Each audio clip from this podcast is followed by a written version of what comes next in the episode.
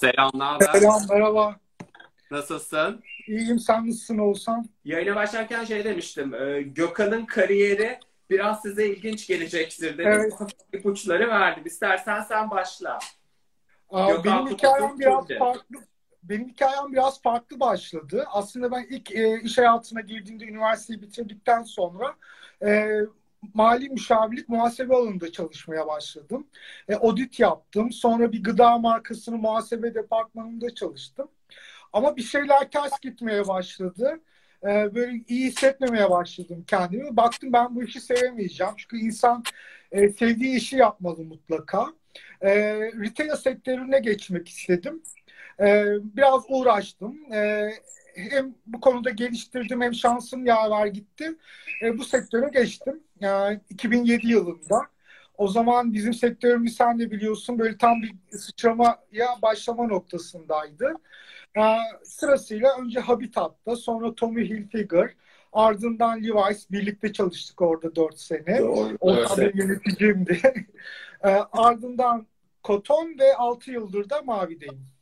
6 yıldır mavidesin. Evet.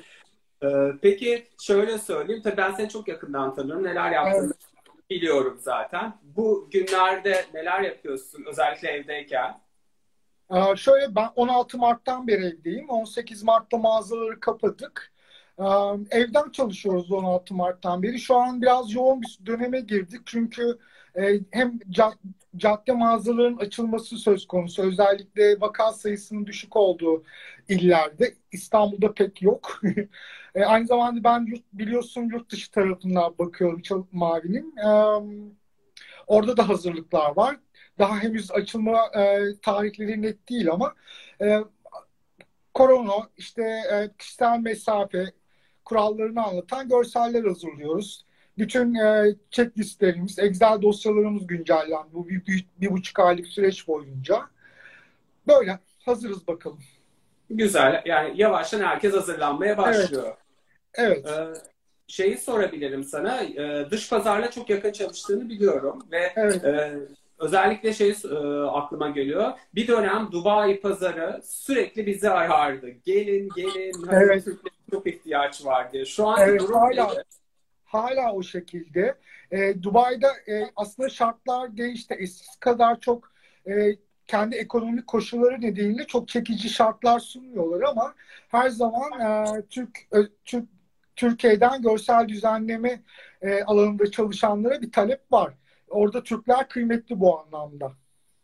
Peki bunun sebebi sence ne olabilir? Çok biliyorsun. Orada Hintli de var, Filipinli de var. Herkes Evet. geliyor. Ama neden ısrarla Türkleri istiyorlar? Yani şöyle bizim Türkiye'de e, perakende sektörü çok e, büyüdü. Çok büyük bir sektör. E, Birçok yabancı markanın İstanbul temsil temsilciliği, bölge temsilcilikleri İstanbul'da ve e, Orta Doğu e, CIS dediğimiz Kuzey e, e, eski Türkiye Cumhuriyetleri'ne bağlı ofisler İstanbul temsilciliğinde. E, bu nedenle kendimizi çok geliştirme şansımız oldu. Ben e, işte seninle çalıştığımız dönemden itibaren e, dış pazara hep baktım ve dış pazardan kastettiğim daha ziyade Orta Doğu, Kuzey Afrika ülkeleri ve eski Türkiye Cumhuriyetler ağırlıklı. E, ben de bu alanda çalışmaktan çok keyif aldım açıkçası. Bir de işimizin böyle bir kolu var. Yani sadece Türkiye'de değil, biz dış pazarda da gayet kali- e, çalış, güzel çalışmalarda bulunabiliyoruz. Bu hem bana çok şey kattı, birçok yabancı kültürle birlikte çalışma zevki edindim. Aynı zamanda da e, dünyayı görmek kişisel gelişimimiz için de çok önemli. Biz gördüğümüz, yaşadığımız her şeyden ilham alabiliyoruz. Aynı zamanda çok güzel bir deneyim. Süper. Peki, Peki mutluyum dış pazarda çalışmaktan. e, şunu sormak istiyorum. Dış pazarda çalışmak isteyen sektörümüzdeki arkadaşlara neler tavsiye edersin? Neler yapmalılar ki dış pazarda çalışabilsinler? Öncelikle yani tahmin edebileceğiniz gibi hiç ihmal etmemeleri gereken bir konu İngilizce. Yabancı dil çok önemli. Ee, sadece aslında dış pazarda çalışmak için değil yani bir işi yapıyorsak yayınları takip ediyoruz, yabancı markalarda çalışabiliriz. Bu yüzden yabancı dil çok önemli. Ben de bunu çok önemsedim ve e, daha önce okul hayatımda da öğrenmiştim ama o pratiğimi de geliştirdim. Onun için İngilizceyi hiçbir şekilde ihmal etmesinler. Mümkünse ikinci dil tabii ki bir bonus. E, Rusçayı tavsiye ederim. Zor bir dil. Ben şu an Bu pandemi, süreci, pandemi sürecinde online ders alıyorum. Çünkü aynı zamanda ben Rusya'ya da bakıyorum çalıştığım markanın. Zor bir dil ama özellikle Türk markaların Rusya'da e, çok talep var ve birçok Türk markasının Rusya'da ofisleri de var. Yani bu alanda da iş fırsatları geniş. Hani İngilizce şart öğrenebiliyorlarsa ikinci bir dilde mutlaka öğrensinler. Yabancı dili ihmal etmemek lazım. Süper. Ee, şeyi soracağım. Şu dönemde neler yapıyorsun evde? Bu ben zorunlu karantina diyorum. İnsanlar farklı kavramlar kullanıyorlar. Neler yapıyorsun? E, son bir hafta zor geçiyor. Bir artık daralmaya başladım ben. bir buçuk aydır evdeyim. E, iş yani çalışma çalışma dışında e, birçok spor yapıyorum mutlaka. Her gün bir 45 dakika ortalama spor yapmaya gayret ediyorum. Yoksa obez olacağız yani. E, yediğime içtiğime dikkat ediyorum ama hareket etmiyorsunuz. Mutfak ve salon arasında bir, geçen bir hayat var. E, dizi izledim birçoğumuz gibi. İki Netflix var. Akşamları özellikle onunla vakit geçiriyorum. Kitap okuyorum. Evimi tanımaya başladım. Aslında evimi bilmediğim birçok kullanmadığım eşya varmış. Arkadaşlarımızla ya da iş, iş ortamında kollar çok sık oluyor. Bu WhatsApp iyi ki var. En azından birbirimize yaklaştırıyor bizi. Bu şekilde devam ediyor. Ee, Netflix dedin, e, spor yapıyorum dedin. Netflix'ten tavsiye edeceğin ya da okuduğun kitaplar neler var? Netflix'te birçok kişi izledi ve çok beğendi. Unorthodox bu dönemde hafızamda kalan yapımlardan bir tanesi. E, Family Business'ı çok sevdim ben. Bir Fransız dizisi. Böyle e, belki yeni jenerasyon çok bilmeyebilir ama e, bir bir önceki neslin çok ünlü bir sanatçısı vardır. Enrico Macias diye. O da başrolünde oynuyor. Ben çok eğlenceli bir dizi olarak gördüm. Bu tarz dizileri daha çok seviyorum. Böyle çok buhranlı dizilerden uzak durmaya çalışıyorum. Um, başka Casa de Floras'ı izledim. Yeni sezonu başladı. O da çok görsel açıdan çok şey katabilecek bir dizi. Özellikle fragmanına bayılıyorum. Normalde dizilerin fragmanlarını hızlı geçerim ben ama bu dizinin fragmanı çok hoşuma gidiyor benim. Tam bir görsel şölen çünkü. Ee, üçü şu an aklımda. Kitap olarak da ben daha ziyade e, böyle yaşanmış hikayeleri seviyorum. Biyografi okumayı çok severim. Yani bir sanatçı olabilir, bir politikacı olabilir, bir bilim adamı olabilir. Onların başarı hikayeleri beni çok çeker ve her hepsi mutlaka hayatının bir döneminde çok zorluklar yaşamış. Özel hayatta, iş hayatında ve dışarıdan göründüğü gibi değil hiçbir şey.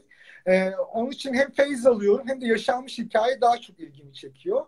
Ben e, en son şu kitabımı okudum. Bu göstereyim size. Michelle Obama'nın biyografisi. İlk başta böyle çok almak istemedim. Yani bir First Lady ne anlatabilir ki diye düşündüm. Ama e, biliyorsunuz ilk e, zenci ABD başkanının eşi kendisi. İlk bir zenci First Lady. Ve bu politik yaşamları boyunca ne kadar zorluklarla, e, ırk ayrımlarına tabi tutulduklarından tutun ekonomik zorluklara kadar, iş hayatındaki zorluklara kadar birçok şey yaşamışlar ve e, ülkenin en tepesine gelmişler. Bu benim çok hoşuma gitti ve hızlı bir şekilde okudum, bitirdim. E, bir de o, aynı anda iki kitap okuyorum. Bir de Mustafa Oğuz var. Bir konser organizatörü. Belki biliyorsunuzdur. Yorma Birader diye. 5-6 ay önce bir yayınlandı bu kitap. Ama bu e, bizim ya, Türk celebrity camiasındaki konser organizasyonlarını çok kulis tarafını çok eğlenceli bir şekilde anlatıyor. Biraz böyle kafayı boşaltmak için güzel. güzel, keyifli. Ee, şeyi soracağım bir de. Neler dinliyorsun müzik olarak? Ben e, özellikle çalışırken Nora Jones çok seviyorum. Onun böyle canlı konser kayıtları vardır. Çok da böyle soft bir sesi olduğu için böyle fonda genelde o çalıyor mutlaka. E, bunun dışında Ceylan Ertem'i ben çok severim. E, evdeyken onu da arada bir dinlediğim oluyor mutlaka. Yabancı e, böyle çok etnik gruplar var. Bir tane e, İsrailli bir grup var. Türkçe şarkılar da söylüyor. Evet. Canlı müzik yapıyorlar. Şu an ismini hatırlayamadım ama böyle çok araştırıyorum. YouTube'da zaten bir, bir izlediğiniz zaman tavsiyeler hemen ardı arkasına gelmeye başlıyor. Öyle bir playlistinde var. Dinliyorum mutlaka. Süper. Peki Tabii aşağıdan sorular akıyor. Ben onları görüyorum ama tabii sen de bakma o akıp gidiyor. Daha Benim gözüm görmüyor. Galiba artık yaşım ilerlemeye başladı. Benim gözlüğümü takmam lazım. Ya çok, çok hızlı ilerliyor. O yüzden çok net göremiyorsun. Ben birkaç tanesini yakalamıştım. Hatta e, burada e, hafızamda da tutmaya başladım. E, şu soru sormuş zaten. Bu dönemde işinizi geliştirmek için neler yapıyorsunuz? Yani zaten çalıştığından bahsettin ama hangi evet. yayınları takip ediyorsun? Evet. E, takip ettiğim yayınlar ben aslında Instagram'ı, sosyal medyayı çok bu açıdan sık kullanıyorum. Daha pratik çünkü. Çünkü telefon elimizden düşmüyor malum. Instagram'da e, sadece e, moda yani fashion hesaplarını değil ben mimariye de çok meraklıyım. E, bu zaten bizim işimizi besleyen bir şey. Çünkü bir vitrin e, ya da bir mekanı tasarlamak ya da fikir üretmek istediğimiz var. ilham almamız gerekiyor ve ilgi duyuyorum özellikle. En çok ben e, iki yıl önce kaybettiğimiz çok değerli bir mimar var. Zaha Hadid. E, bütün görsel düzenleme alanında çalışan arkadaşlarımın da hesabını takip etmesini çok isterim. Çünkü çok e, geleceğe görerek tasarlayan bir tasarımcıydı kendisi. E, onun hesabını çok beğeniyorum. E, bizim kendi e, tarafımızdan da Vision Merchandising News'ü takip ediyorum. E, Stephanie Matteo diye bir e, Instagram'da görsel düzenleme üzerine paylaşan yapan bir hesap var. Onu da çok böyle ilginç vitrinler paylaşıyor. Sıra dışı vitrinler paylaşıyor. Hepsi uygulanabilecek vitrinler değil, maliyetli vitrinler genelde ama bir severek paylaştığım hesaplar. Genelde Instagram'ı takip ediyorum. Ofis ortamında iş hayatını tabii birçoğumuzun bildiği WGCN onu, onu takip ediyorum. Diğer e, takip ettiğim hesapları daha önceki arkadaşlarım bahsetmiş zaten senin programına katılan. Gördüm. Hani tekrar... Olsun söyleyebilirsin. Tekrar olur. Hiç önemli değil.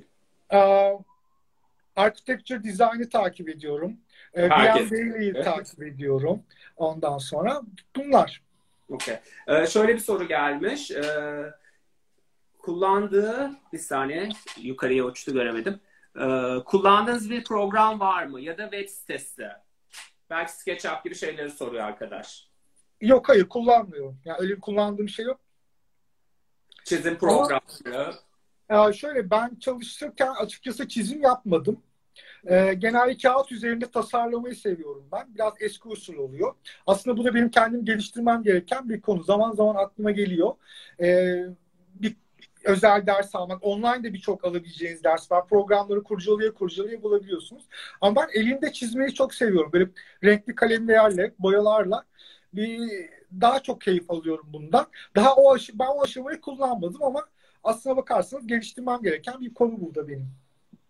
Evet tabii ama şurada şöyle bir şey de var. Ben hep onu şunu söylüyorum.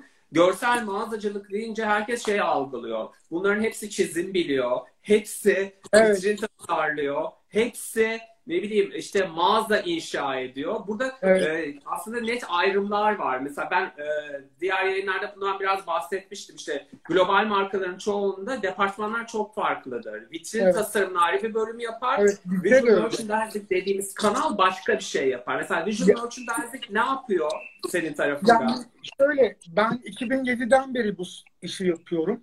İlk mesleğe başladığım dönemdeki iş tanımımla şu anki yaptığım iş tanımı çok farklı. Ben ilk Tommy Hilfiger'da çalışırken o zaman Türkiye'de 35 mağazası vardı. Daha yeni yeni sektör zaten büyüyordu. Bizim amacımız e, standartı her mağazada uygulamak ve mağazayı şık göstermekti. E, işimiz buydu. Şu an zaten bu işimizin sadece bir parçası. Yani e, benim aslında gün içerisinde vaktimin çoğunu belki öğrenci arkadaşlarımız şaşırabilir. Excel dosyalarıyla geçiyor. Çünkü biz aynı zamanda artık e, 400'ün üstünde mağazalarımız var. Ve bizim bütün satış rakamlarını, raporlarını takip etmemiz gerekiyor. En çok satan ürün hangisi? En az satan ürün hangisi? Hangi reyon daha çok iş yapıyor? Hangi reyon daha az az iş yapıyor. Ve bunları takip ederek biz görsel e, mağaza içerisindeki koleksiyonun yerleşimini yapıyoruz. Yani bütün gün oturup tasarım yap uzun zamandır as işimin çoğu aslında tasarımla geçmiyor. Benim işim bu tarafıyla geçiyor açıkçası. Daha ee, Çünkü e, şöyle bir durum var. Çok böyle hot couture, butik bir markada çalışabilir arkadaşlar. E, tabii orada tasarım daha ön planda. Ama böyle çok e, yüzlerce mağazası olan zincir bir markada çalıştığınız zaman işin tanımı tamamıyla değişiyor. Satış departmanı ile birliktesiniz. Ürün kategori departmanı ile birlikte çalışıyorsunuz. Marketing departmanı ile birlikte çalışıyorsunuz. Ve ortak bir karar alınıyor her zaman. Bizi ben ilk e, Tommy'de az önce bahsettiğim gibi işe başladığım zaman satış departmanıyla ben çok çatışırdık biz. Çünkü bizim bakışımızla satışın bakışı farklıydı.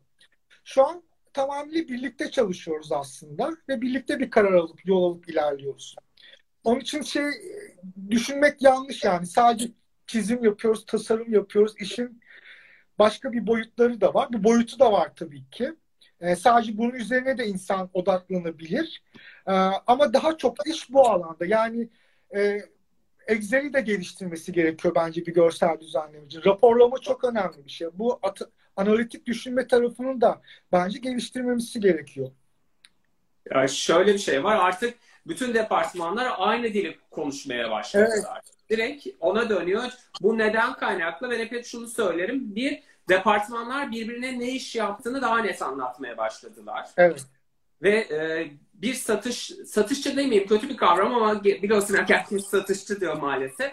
Yani satış ekibinde olan insanlar da mağazaya gittiğinde artık hangi gözle bakması gerektiğini çok iyi biliyor. Markanın evet. değerleri nedir, ne yapılıyor, kimse elinde bir kitapçı alıp şunu demiyor ya ben bunu istiyorum yok artık. Ortak değerlerden gidiyor. Evet. Yani nihai sonuç bütün mağazanın e, markanın imajını koruyacak şekilde standart bir look'a, görüntüye sahip olması. Ama bunu yaparken de e, satışın, ürünlerin, ürün satış performansının bütün e, faktörlerin bir arada düşünerek yapmak gerekiyor. Bu vitrin tasarlarken de böyle. Koleksiyona göre tasarlamanız gerekiyor. Maliyetini düşünmeniz gerekiyor. Yani isteriz bütün vitrinlerimiz böyle led ekranlarla kaplansın.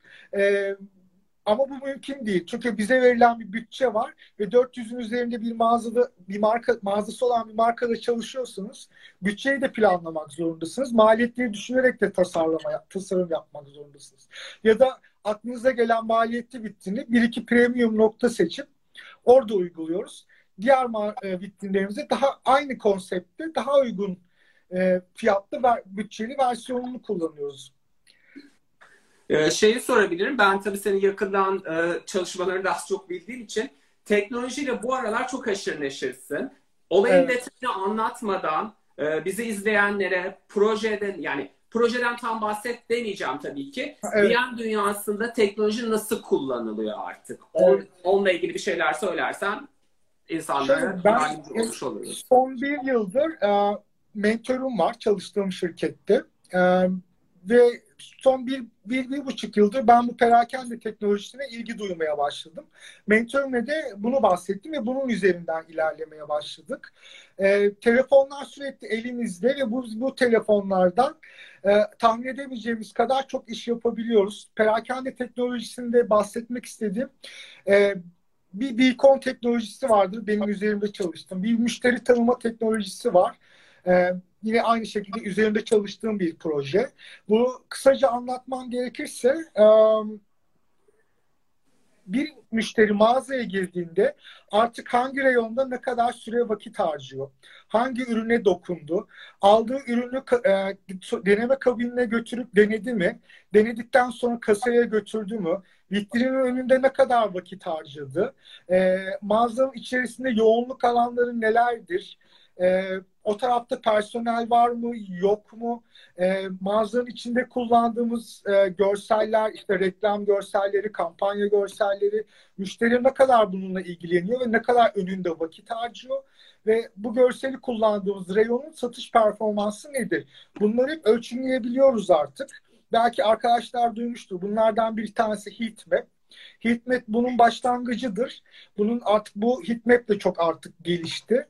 Ee, artık e, bazı özellikleri kullanamıyoruz. Kişisel veri kanunun verileri koruma kanunundan dolayı ama içeri giren müşterinin yaşını ve cinsiyetini de artık görebiliyor olacağız bu proje vesilesiyle.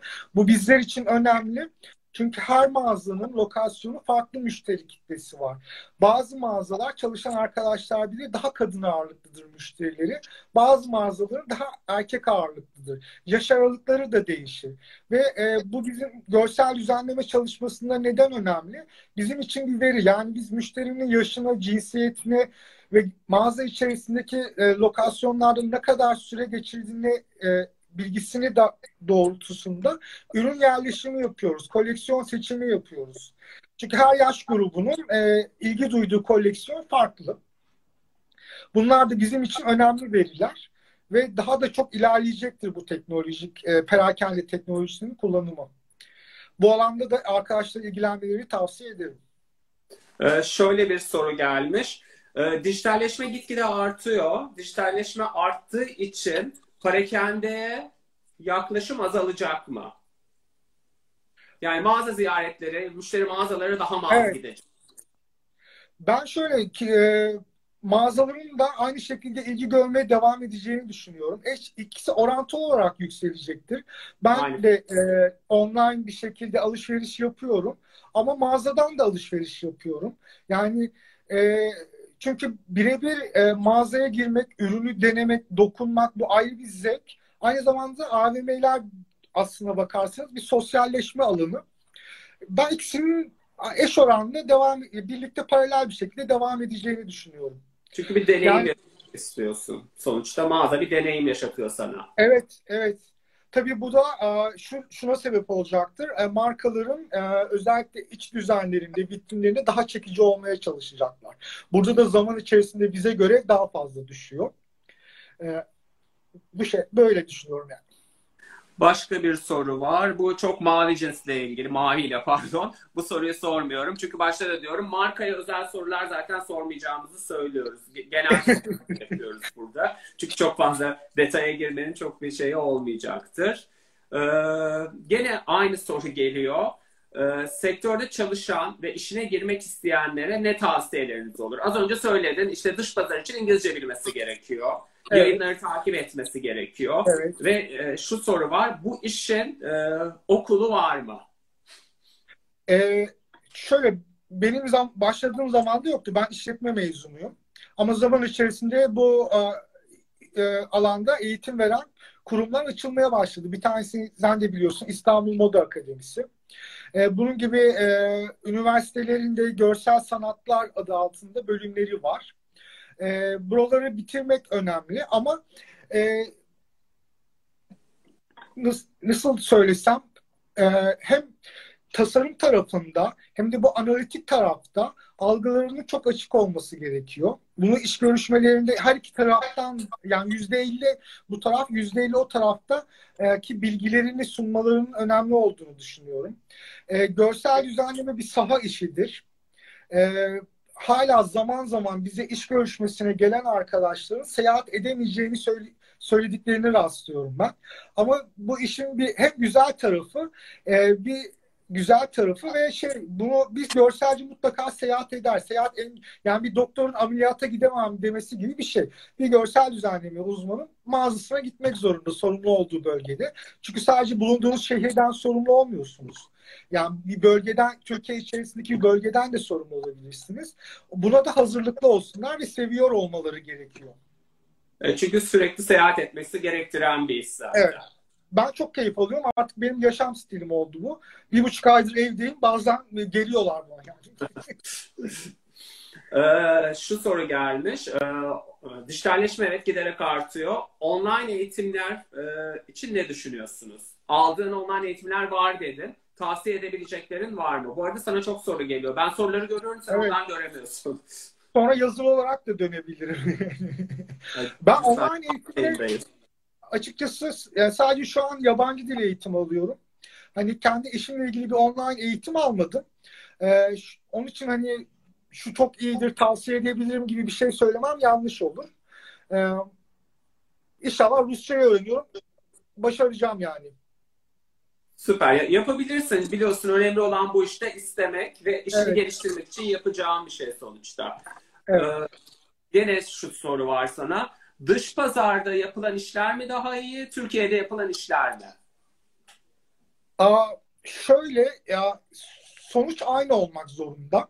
Yani ben çalıştığım markada Mavi'nin İstanbul'daki bir mağazası nasılsa İstinye Park'taki yurt dışındaki mağazanın da amacımız aynı şekilde olması. Hı.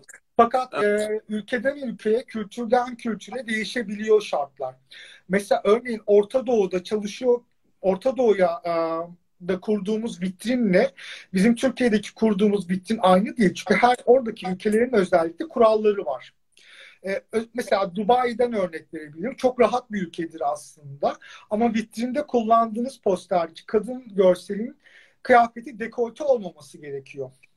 İşte kadın erkek bir görselin içinde ise çok sarmaş dolaş olmaması gerekiyor. Hı. Buradaki soru... Bölgesel farklılıklar var.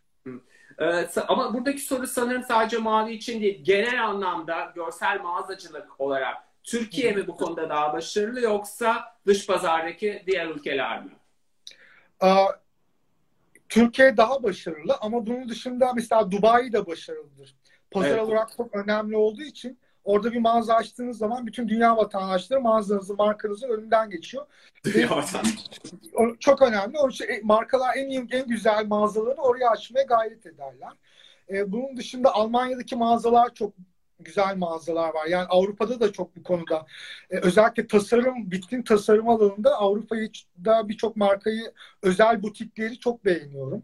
E, ama Türkiye'de hiçbirinden geri kalmaz. Ee, şöyle bir şey var. 90'lardan itibaren Türkiye'ye global markaların gelmesiyle Türk markaları da kendini buna hazırladı mı? Herhalde görsel mağazacılık anlamında soruyorlar. 90'larda üniversitedeydim. O kadar yaşım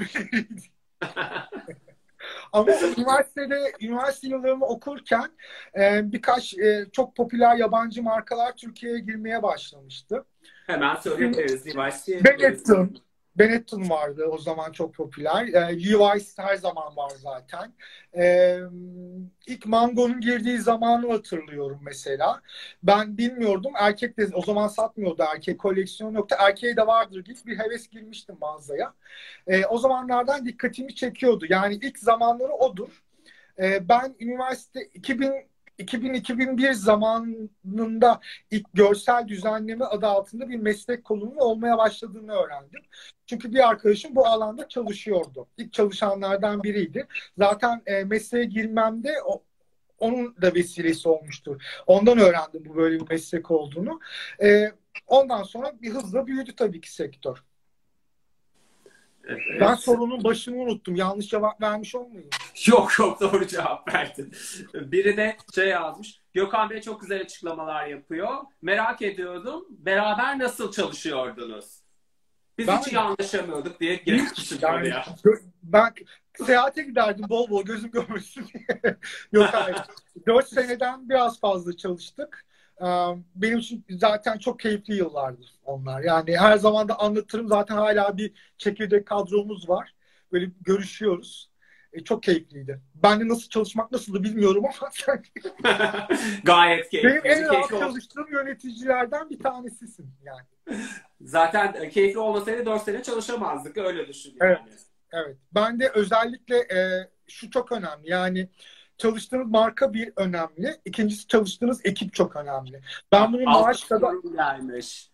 Hami Ahmet, yazmış. Ayça da vardı. Tabii Ayça, Ayça vardı. vardı. Şakari vardı. E, Faruk abi vardı. Yani hepsiniz, hep bizim ekip çok önemli. Yani bu para kadar önemli bir mevzu aslında. Belki paradan daha çok huzur önemli. Çalıştığınız markayı sevmek, aidiyet hissetmek ve e, çalıştığınız ekibi de sevmek. Çünkü bütün gün birliktesiniz. Seyahat ediyorsunuz biz bu işte. Yeri geliyor aynı otel odasında kaldığımız oluyor. Ee, onun için ben şu anda çok keyif alıyorum çalıştığım markada ama seninle birlikte çalışırken de çok keyifliydi. Çok güzel anılarım var unutmayacağım biliyorsun zaten. Anlatamayacağım şu, şu an. Anlatamayacağız şu anda. Çok uzar zaten. Evet. Ee, şöyle bir şey var. Ee, benim sorularımda bir şey kalmadı zaten. Senin söylemek istediklerin varsa bir yavaş yavaş da bitirebiliriz. Çünkü insan diyorum yarım saat insanlara fazla zamanını almayalım. 4 dakika geçmişiz. Ama ben 4 dakika geç bağlandım zaten. O önemli değil. Onu Bu deneyimi bana yaşattığın için teşekkür ederim Oğuzhan. Artık bir canlı yayın deneyimim var. Nereye tıklamam gerektiğini biliyorum. Evin ışık nasıl? Evin en iyi ışık alan yeri burası. Sabahtan beri elimde telefon neresi iyi ışık alıyor oraya baktım ben.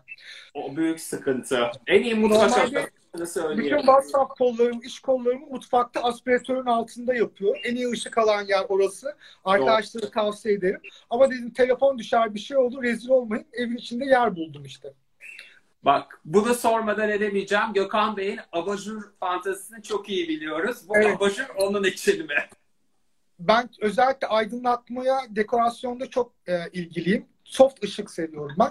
Tavandan aydınlatma, spot ışık sevmem. Mağazalarda belki çok e, yaşadığım için hani evde daha böyle dinlendirici ışık seviyorum. Abajurlara da özel bir ilgim var. Kendim çizer tasarlarım da. Ama kendi çizdiğimi kendime saklıyorum. Daha şimdi kimseyle paylaşmadım. Oo. Öyle özel bir ilgim var evet. Güzel Yeni bir marka doğru zaman fotoğrafını çekerim. Yeni bir marka doğuyor diyebilirim o zaman. Bir abajur markası. İleride olabilir. Tasarım güzel, keyifli bir şey. Çiz, hayatını kazan yani. Ek güzel bir iş bence ama şu- şu an bu konuda çok böyle aktif bir durumum söz konusu değil ama ileride olabilir. Neden olmasın? Olur olur. Ee, şey söyleyecektim. Tabii ben Gökhan'ı aradığımda Gökhan e, sağ olsun kabul etti. Ve sonrasında dedi ki ya ben bir hediye vermek istiyorum dedi. Evet. Bu hediye içinde e, yayın bittikten sonra Gökhan bir video yayınlayacak. Ben de onu Instagram'a koyacağım. Bir sorumuz olacak. Soruyu bilenlere Gökhan'ın hediyesi hangi şartlarla gideceğinden bahsedeceğiz. Ee, ben teşekkür ediyorum katıldığın Kolay için. soru olacak. Zor değil yani. Güzel. Evet. Teşekkür ediyorum katıldığın için. Ben Gayet teşekkür ederim. keyifliydi. Çok sağ olun. Görüşmek üzere diyorum. Hepinize hoşça İyi bak kendine. Evet. Teşekkür ediyoruz katıldığınız için. Ee, Gökhan'a da çok teşekkürler. Ee, bir sonraki hafta başka bir e, sektörden arkadaşımızla görüşmek üzere diyorum.